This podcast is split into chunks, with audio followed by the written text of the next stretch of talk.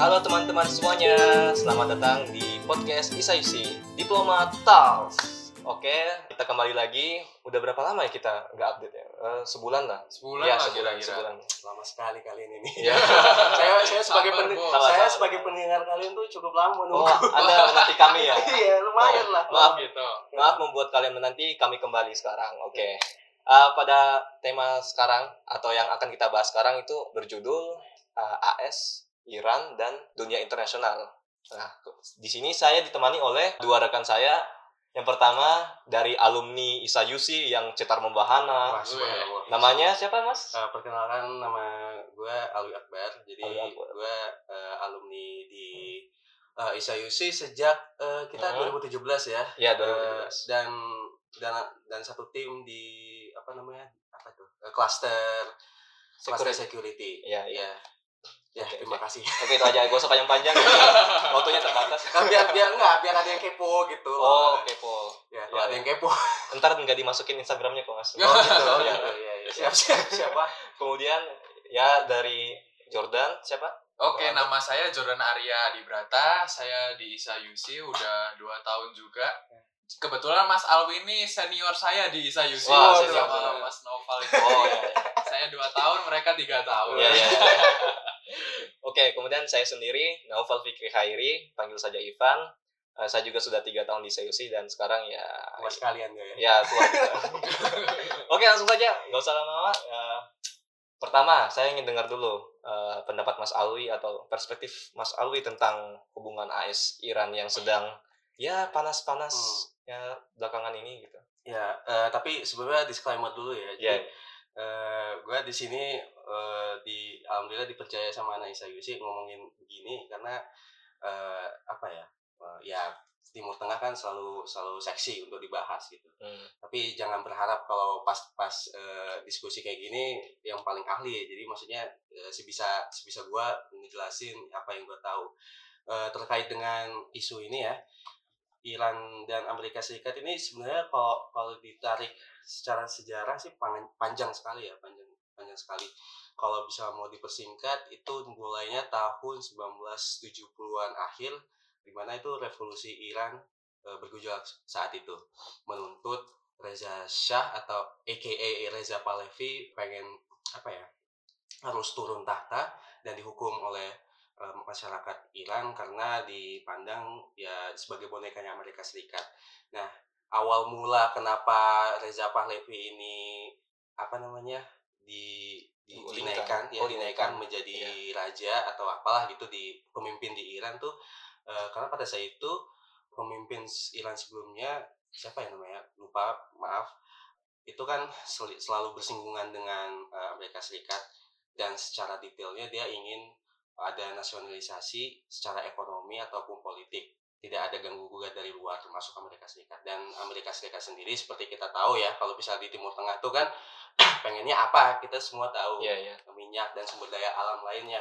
Yang di mana Iran ini ya, salah satu yang banyak yang kaya juga akan minyak dan beberapa sumber daya alam lainnya gitu. Makanya berusaha seberusaha mungkin secara politik eh, digulingkan pemimpin sebelumnya dan dinaikkan Reza Pahlavi ini karena dianggap ya dalam bahasa kasarnya bisalah dituntun buat kepentingan mereka. Dan dan hasilnya selama kepemimpinan Reza Pahlavi ini ya awal-awalnya oke lah gitu. Tapi bes, apa tidak lama kemudian Reza Pahlavi ini diang, sangat dianggap sekali eh, ekonominya ya apa ya ekonominya sangat memburuk dan secara politik secara substan, substansial sering dikatakan sebagai diktator gitu jadi awal awal revolusinya awal revolusinya dari situ dan mungkin kalau misalnya kalian ingin melihat peristiwa awal revolusi Iran mungkin kalian bisa menonton film yang saya yang gue tahu ya Iya, iya. judulnya Argo itu tahun Oh, 2012 Tahu. Argo. Oke. Mm-mm. Jadi itu itu sih kalau melihat dari sejarahnya ya naik turun naik turun eh, hubungan mereka berdua maksudnya kedua negara ini eh, yang paling sering disoroti adalah ketika Iran sering kali tuduhan maupun ah ya kalau benar melakukan sebuah apa, apa membuat sebuah nuklir gitu yang di mana Amerika Serikat sering memberikan sanksi ekonomi maupun Iya, iya. politiknya. Lebih sering ekonomi malah gitu kan. Untuk menekan kekuatan Irak yang mempunyai nuklir itu sendiri. Iran. Irak Eh, oh Iran, Iran, Iran, maaf, maaf, maaf. Anda ini Enggak, enggak. membingungkan. Irak, Iran, Iran. Oh ya, Iran. Maaf, maaf. Udah. Iran, Iran, Iran. Pokoknya itulah. Jadi em, apa ya? Cin, apa hubungan cinta dan benci antara Amerika Serikat dan Iran ya. Hmm. Tapi lebih banyak bencinya sih dari mereka. Iya, iya. Oke. Oke, itu dari pandangan Mas Alwi ya. Hmm, hmm, hmm. Nah, kemudian lanjut aja langsung gimana kalau menurut eh, dari Mas Jordan? Soalnya saya lihat ini apa kayak Anda ini spesialis sejarah gitu. Eropa, wah, Timur Tengah. Orangnya nggak bisa Asia. move on dari mukanya ya. Iya, bisa move on. Oke. Jadi kalau dilihat dari konflik kemarin, sebenarnya kan Amerika sama Iran ini kan kemarin hampir perang secara langsung kan. Hmm, hmm. Walaupun sebenarnya AS itu pertamanya menyerang Eh, ini menyerang Oh iya, Qasem sorry sorry Soleimani. sorry. Nah ya, Amerika menyerang Soleimani. Nah, tetapi sebelumnya itu, sebelumnya Soleimani dibunuh, itu ada penyebabnya lagi kenapa kok Soleimani dibunuh. Hmm. Pertama, sebelum Soleimani dibunuh, Iran itu diduga Hmm.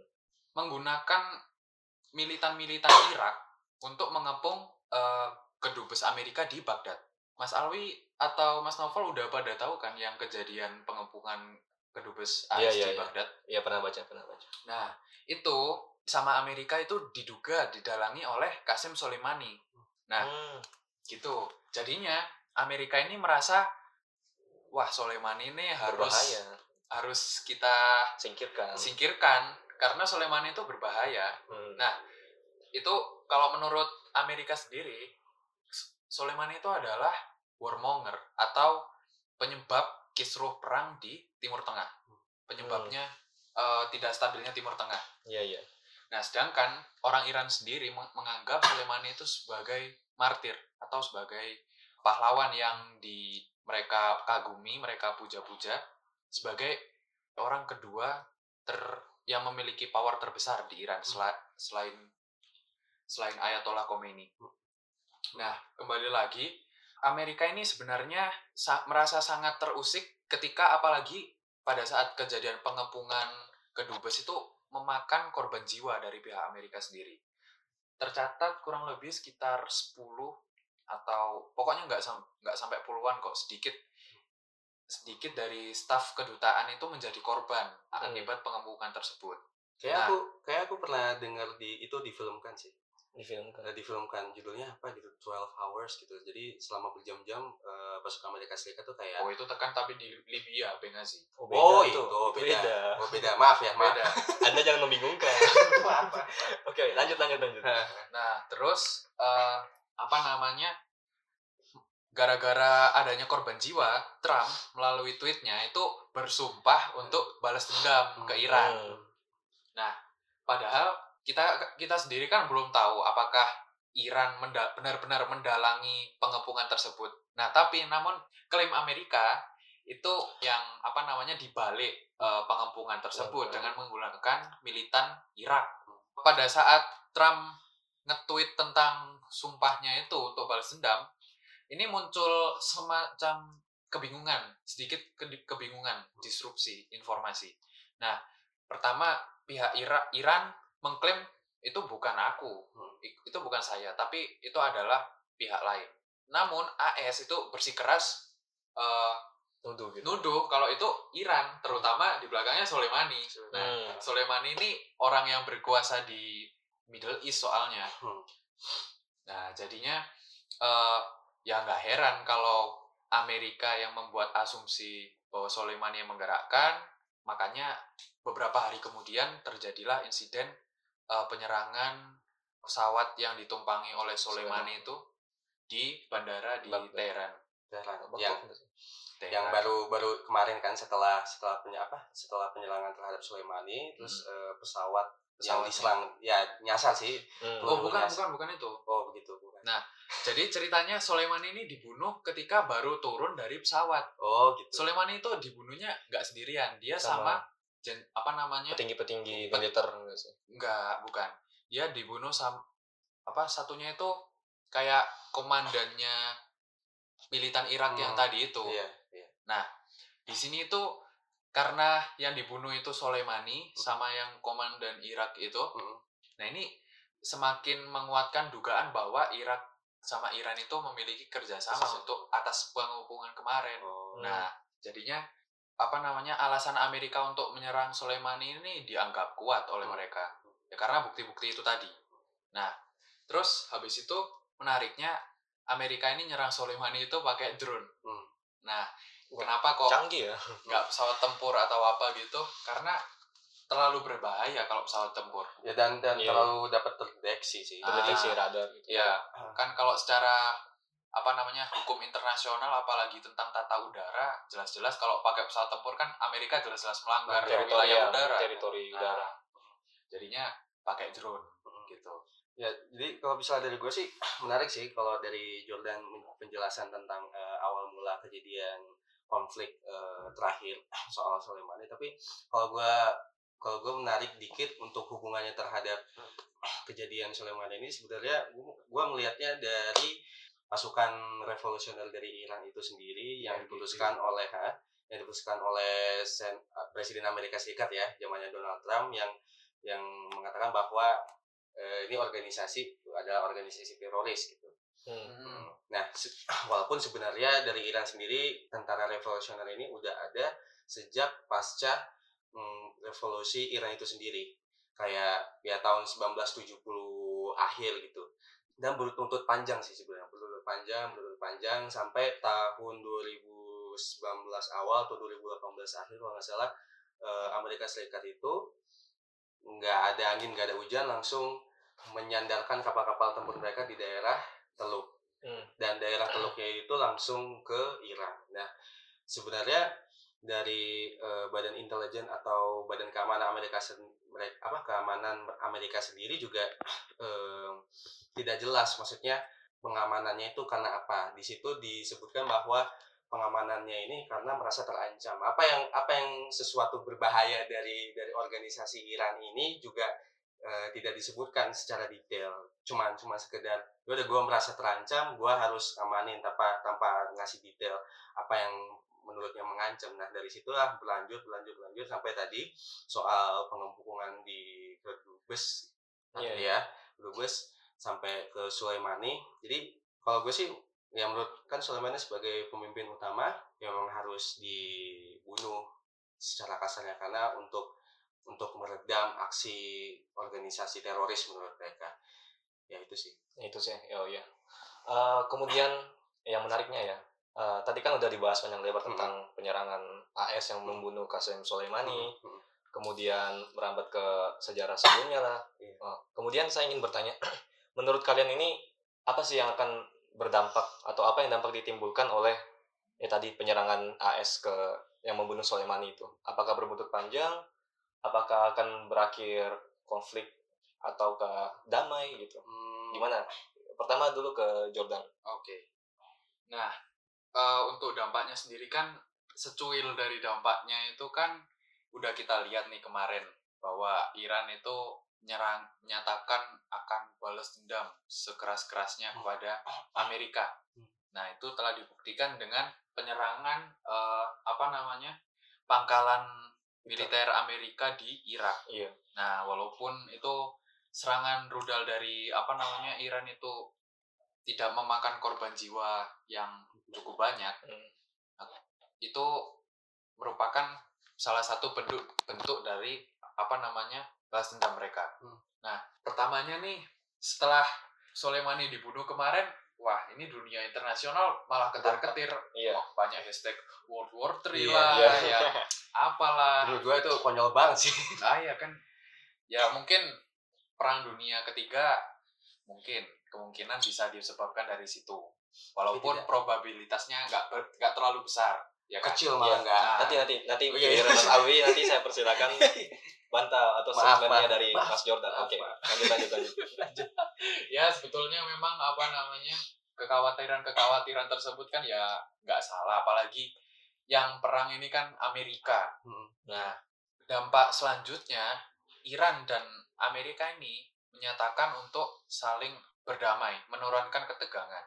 Nah, yang awalnya yang dimulai oleh tweetnya Trump tentang penurunan ketegangan di Timur Tengah dan Iran, lalu disusul oleh pihak dari Iran sendiri yang juga menurunkan tensi atas apa namanya setelah serangan yang dilakukan oleh Amerika itu tadi. Nah, kalau kita apalagi kalau kalian semua anak Twitter misal coba deh follow IG-nya Trump atau follow IG-nya siapa namanya Khomeini atau Menlu-nya Iran Syarif al Jafat atau siapa itu nah itu bisa dilihat bahwa ada runutan-runutan kronologis yang menyatakan tentang uh, tindakan kedua negara tersebut. Trump menyatakan bahwa Amerika siap untuk uh, melakukan rekonsiliasi atau perdamaian terhadap apa yang terjadi sebelumnya. Dan kemudian menlu dari Iran itu sendiri uh, juga setelah pasca apa namanya pasca penyerangan Amerika itu ya juga lama-lama ya reda juga gitu loh. Nah untuk kelanjutannya sampai sekarang ya untuk berita tentang Iran sama Amerika mungkin udah ada ayem ya. Yeah. Nah mungkin luput dari pemberitaan atau bagaimana. Namun kalau untuk dampak dari oh dampak untuk dunia internasional ini mengingatkan bahwa Timur Tengah itu memiliki sebuah intrusif system. Nah, kalau menurut teori pengklasifikasian negara di sebuah kawasan itu ada tiga core, peri-peri, sama intrusive system. Nah, core yang terdapat di Timur Tengah itu salah satunya adalah Arab Saudi dan Irak. Peri-peri adalah negara selain uh, negara yang memiliki scope power itu middle sampai low di kawasan Timur Tengah, kayak apa? Lebanon, terus Syria, Qatar lah, Syria lah. Nah, itu. Nah, terus setelah itu ada intrusive system. Intrusive system itu sendiri adalah aktor atau negara, terutama negara yang great power superpower dan great power yang berada di luar kawasan tersebut namun memiliki kepentingan di kawasan tersebut. Nah, kita bisa mengidentifikasikan intrusive system yang terjadi di Timur Tengah saat ini ada ada Amerika dan Rusia. Nah, apa apa Amerika kepentingannya di Timur Tengah? Pertama minyak. Terus kedua, Amerika menjalin relasi sekutu yang sangat dekat dengan Arab Saudi. Nah, Terus pihak yang kedua yang dapat diidentifikasi adalah Rusia. Rusia telah menjadi partner lama bagi Iran, terutama dalam bantuan ekonomi dan militer. Nah, uh, Rusia dan Iran ini juga memiliki sejarah yang panjang, terutama pada masa-masa apa namanya pas Perang Dunia Kedua itu Soviet itu menjadikan Iran itu sebagai sekutu terdekatnya di Timur Tengah pada masa Perang Dunia. Nah, bagi yang belum tahu, Iran itu juga memiliki peran vital di Perang Dunia Kedua, terutama di Timur Tengah. Hmm. Nah, terus next untuk masa-masa Rusia kontemporer, Rusia ini kembali mencari partner partner-partner yang hilang. partner yang hilang ya. hilang ya. Waduh. Kan untuk masa Soviet ini kan juga sedikit renggang pengaruhnya hmm. Soviet di Timur Tengah. Kan Soviet kan cenderung ke Afghanistan kan pada iya. masa itu. Nah, Rusia modern yang pada awal tahun 2000-an ini kembali menjalin uh, partner di Timur Tengah terutama dengan Iran dan Suriah. Nah, untuk Iran sendiri diberikan cukup banyak bantuan oleh Rusia yang menjadikan Iran itu supaya Rusia itu punya pegangan gitu loh hmm. di Timur Tengah. Hmm. Yeah, yeah. Nah, untuk menghadapi eksistensi Amerika beserta Saudi. Nah, dan sebaliknya Iran itu juga membutuhkan Rusia. Hmm. Karena musuh dari Iran sendiri itu adalah Saudi. Iran hmm. nggak hmm. suka Saudi. Karena Syiah. Ya, Iran yeah. karena Syiah, Saudi karena itu. Sunni. Sunni. Ya begitulah. Nah, ini terda apa namanya terdapat semacam cold war gitu loh di hmm. Timur Tengah antara core apa namanya core tadi itu core aktor tadi itu antara Iran dan Amerika eh sorry kok Amerika Arab, Iran dan Saudi. Saudi nah dan masing-masing ini juga punya backingan yang kuat-kuat Nah, maka dari itu negara yang intrusif sistem yang Amerika dan Rusia itu tadi ya juga sama-sama memiliki kepentingan gitu di Timur Tengah. Jadi dampaknya untuk setelah kejadian AS dan Iran yang berpengaruh kemarin itu ya semakin menunjukkan eksistensi dari intrusif sistem itu sendiri. Hmm. Iran Iran pasca kejadian kemarin itu malah semakin bergantung pada Rusia dan AS setelah kejadian kemarin itu semakin mendekatkan relationship-nya ke Arab Saudi dan semakin memperluas pengaruhnya di Timur Tengah Iya, gitu. Oke, gitu aja. Ya sangat menarik ya kalau kita kaji, kita lihat dari sudut pandang. Kemudian tadi kan udah Mas Jordan udah jelasin menurutnya tentang dampaknya lah, apanya lah.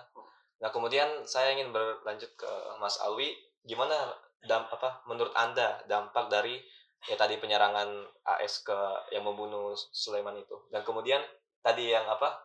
Yang menurut orang-orang kalau akan terjadi perang dunia ketiga lah, apalah. Nah, itu gimana menurut Anda? Iya, kan di medsos kan rame banget tuh. Iya, World- rame banget. Hashtag World War 3, Perang Dunia Ketiga kalau kalau di Indonesia kan Iya, iya. di di Twitternya gitu. Maksudnya eh, kita bisa melihat mereka mengapa isu atau atau narasi kayak gini tuh ada di Twitter karena mereka berkaca sebenarnya netizen netizen kita lumayan pintar sih maksudnya khususnya Indonesia maksudnya bisa menarik sejarah berdasarkan perang perang dunia pertama nah apa tuh maksudnya kenapa penyebab perang dunia pertama itu dihubungkan dengan eh, kejadian yang Sulaiman ini karena Hmm. sebenarnya perang dunia pertama kan dihasilkan karena pembunuhan Ah, eh, betul, raja betul. siapa Eh, raja dari Ferdinand Iya, Ferdinand. ya Austria. ya dari eh, Austria Hungaria itu dan itu di, dihubungkan dengan apa namanya pemimpin revolusi Iran yang si Sulaiman itu nah itu itu penggambaran mereka mereka berusaha menyamakan penggambaran itu di antaranya sama-sama Sama-sama, berpengaruh lah ya. Iya, iya tokoh Ada- berpengaruh nah Pola. tapi tapi menurut gue yang membedakan eh, atau meyakini bahwa gak ada gak maksudnya sejauh ini sejauh ini tidak akan ada perang dunia ketiga sampai ke sana itu karena perbedaannya ada- adalah em, kekuatan dari Eropa pada saat itu kan sudah di puncak kekuatan eh, dari senjatanya dari politiknya sudah eh, apa ya atau pengaruh Mencuat. dari pemimpinnya itu sudah mencuat maksudnya Hmm. sudah tinggal trigger aja gitu tapi eh, maksudnya di, di di kawasan ya di kawasan nah eh, kalau gue melihat di di kalau di sini nggak sampai mencuat ke kawasan secara luas ya luas iya. itu hanya berpengaruh ke bilateral. ya bilateral eh, ya bilateral antara nggak bilateral orang mereka konflik ya pokoknya pokoknya di antara iya bilateral. gitu gimana gimana bila bilateral. Gila, itu adalah dua kata yang sangat kontradiktif. Eh, konflik tapi bilateral gitu. Maksudnya pokoknya dua negara itulah Iran sama Amerika. Maksudnya eh, tidak akan ada sampai ke situlah mudah-mudahan. Maksudnya ya tidak ada tanda-tanda gitu. Karena berdasarkan eh, analisa gembel yang gua gua, Gembel. gua sampaikan gitu. Em, ya kan kita tahu sendiri selain selain karena pembunuh Ferdinand sebelum sebelumnya itu kan eh, di kawasan Eropa kan sudah ada teknologi eh, tentang militer dan segala macam gitu di di kawasan keseluruhan. Sementara sementara kalau di Timur Tengah itu kan masih ini masih eh, depend each other gitu. Jadi nggak sampai pada tahap yang mengerikan seperti itu. Dan dan sebenarnya kalau kawasan sendiri tidak terlalu cukup berpengaruh ya karena di kawasan juga kayak kasarnya sendiri-sendiri gitulah sekarang eh, antara ne- sesama negara kawasan Timur Tengah. Paling juga sampai ke Irak karena karena apa namanya karena tetangganya. Ya di mana itu juga ya penyerangan Iran ke markas Amerika Serikat yang ada di Irak gitu. Iya. dan ya pengaruh lainnya kayak itu sampai pesawat eh, komersil di di Tehran juga ditembak nyasar oleh pasukan Iran ya oh, yang sebenarnya dari awal eh, kabarnya itu karena ada kerusakan atau ledakan mesin di belakang tapi eh, dua minggu kemudian diakui oleh apa namanya oleh Iran. eh, oleh Iran itu sendiri sempat ada perbedaan berita yang membuat kita agak bingung mau Iya, milih iya. berita yang mana soalnya gini pertama kali gue pertama kali gue baca di Al Jazeera itu mencuat karena kerusakan Hmm. ya technical system di pesawat kemudian pindah ke Reuters benar-benar benar-benar bilang eh, bahwa jatuhnya pesawat ini ya karena ditembak oleh eh, pasukan Iran. Nah, gue sempat kayak kayak instastory di ya instastory lah gitu kayak membandingkan dua berita besar itu antara Al Jazeera sama Reuters. Oke lah, eh, gue anggap positifnya Al Jazeera ketinggalan update gitu kan. Ternyata pada saat dikonfirm Benernya Eh, yang itu, benernya benernya ya benernya yang Reuters bersama kawan-kawannya baru Al Jazeera update. Jadi eh, kadang-kadang media eh, ya ada subjektifnya lah gitu. Ya, jadi keberpihakan. ya keberpihakan. Kalau masalah media Al Jazeera sering dibilang ada teman gue dari dari Mesir jangan pernah percaya sama Al Jazeera karena itu apanya antek-anteknya Ikhwanul Muslimin gitu tapi ya walau alam lah yang punya alam, eh, ya. ya, yang punya media kan mereka kan gitu. Ya udah cari yang eh, pasti-pasti aja. Nah ya itu juga yang mempengaruhi secara apa ya secara secara global secara internasional.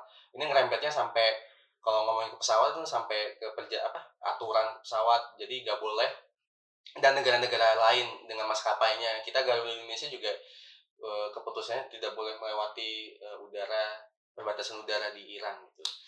Ya ngaruhnya mm, besar sekali secara politik ekonomi bahkan di luar itu gitu. Ya begitulah. Jadi kalau misalnya secara umum ngomongin soal Timur Tengah itu kayak ngomongin kayak matematika gitu kan kayak kalau ingin mempelajari Timur Tengah itu kayak ditanya kenapa suka matematika? Karena yang memang begitu susah susahnya susah susahnya kajian ini karena memang eh, dari aspek sejarahnya mm, sangat rumit gitu khususnya Iran dengan Amerika konfliknya gitu itu aja sih Oke, itu aja. Oke, cukup menarik ya pembahasan Iya. kali ini gitu. Hype banget gitu. Oke, kemudian ini waktunya kesimpulan atau closing statement dari kalian berdua supaya tidak adanya kesalahpahaman. Ya juga untuk mengklirkan lah Iya. semua sudut pandang kalian. Oke, dari ah, Alwi lagi lah. Alwi, ayo. Singkat.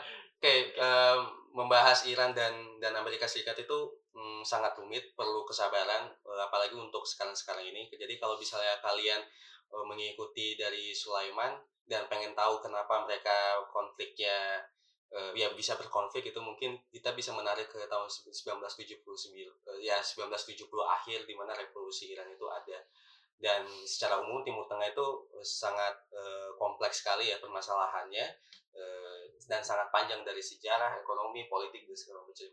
Jadi buat kawan-kawan yang eh, mengikuti ya saya salut sekali gitu. Salut, salut. salut salut. Dan ya kompleks lah masalah Timur Tengah. Hmm. Silakan. Oke, udah. Kemudian langsung lanjut. Jordan, gimana?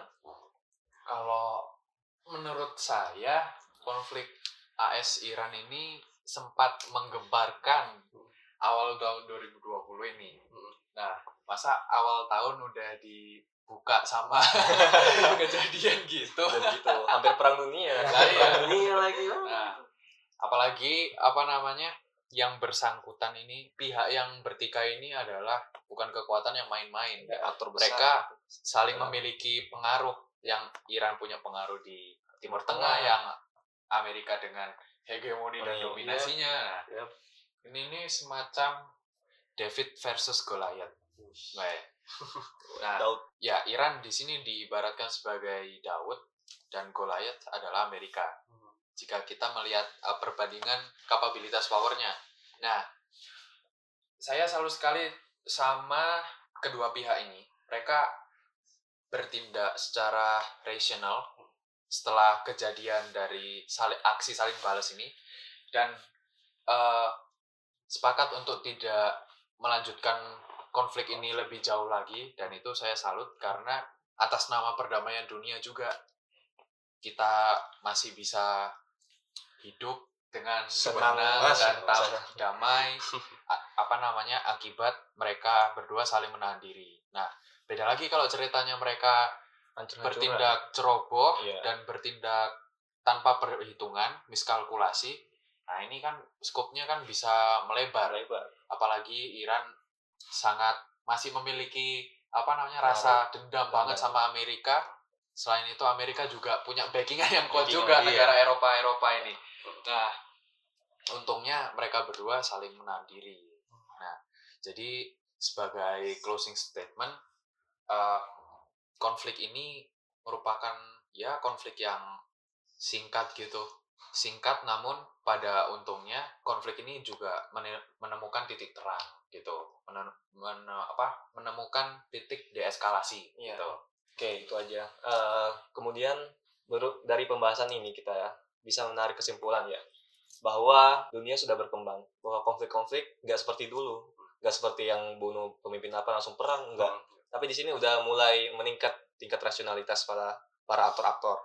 Kemudian juga ya tadi eh, tentang perang dunia ketiga nggak akan terjadi lah, soalnya masih ada perhitungan-perhitungan rasionalitas. Kemudian kalau tentang pemberitaan-pemberitaan per- perang atau tentang penyerangan-penyerangan itu, itu kan bisa juga apa ada konstruk dari media kan. Jadi kita juga nggak terlalu bisa kita harus mengcross check apa-apa yang diberitakan oleh media-media karena hal itu uh, mungkin akan menyelamatkan kita dalam menyaring atau menerima informasi. Kemudian secara garis besar ya uh, konflik ini seperti Jordan bilang tadi kan singkat apa tapi ya sangat dampak atau potensinya yang besar gitu kalau terjadi uh, berkelanjutan. Ini tidak lepas dari adanya aktor-aktor besar dari negara-negara kayak seperti Trump atau apa. Ya pasti di belakang mereka itu pasti kita nggak tahu. Kita pasti nggak tahu detail sedetail apa yang mereka tahu atau apa yang mereka lakukan. Jadi kita nggak bisa juga terlalu menjudge atau terlalu menarik kesimpulan besar. Soalnya kita nggak terlibat langsung. Kita harus mem- memerlukan penelitian atau data-data yang lebih detail, tidak hanya dari pemberitaan media gitu. Oke, itu aja mungkin pembahasan dari kita uh, pada hari ini atau pada kesempatan kali ini. Sangat menarik ya, sangat menarik. Wah, Wah, menarik banget. Pastilah. Timur Tengah itu selalu seksi untuk dibahas. Seksi banget. Oke, teman-teman, itu saja dari kami. Kemudian saya ingin berterima kasih kepada tamu kita, Mas. Alwi Akbar Nugraha. Oh, nggak ada nugraha cuy, nggak ada nugraha. Oh, gak ada nugrahanya ya. Alwi aja. Ya, terima kasih, terima kasih banyak buat ya, Isa Yusi dikasih kes- kesempatan buat apa namanya eh, bisa jadi guest star di sini. Ya. Sorry, tadi Sama-sama. agak grogi gitu di depan di hadapan kalian gitu. Jadi mohon maaf aja kalau ada salah-salah kata ataupun santai-santai. Iya, iya. ya gitulah. Kemudian juga terima kasih kepada Jordan yang telah memberikan pandangan sudut pandangnya dan juga ya pengetahuannya tentang sejarahnya gitu. ya sama sama Sama kok. Oke, tetap ikuti episode-episode selanjutnya. Tetap di Talks. Assalamualaikum warahmatullahi wabarakatuh. Selamat siang.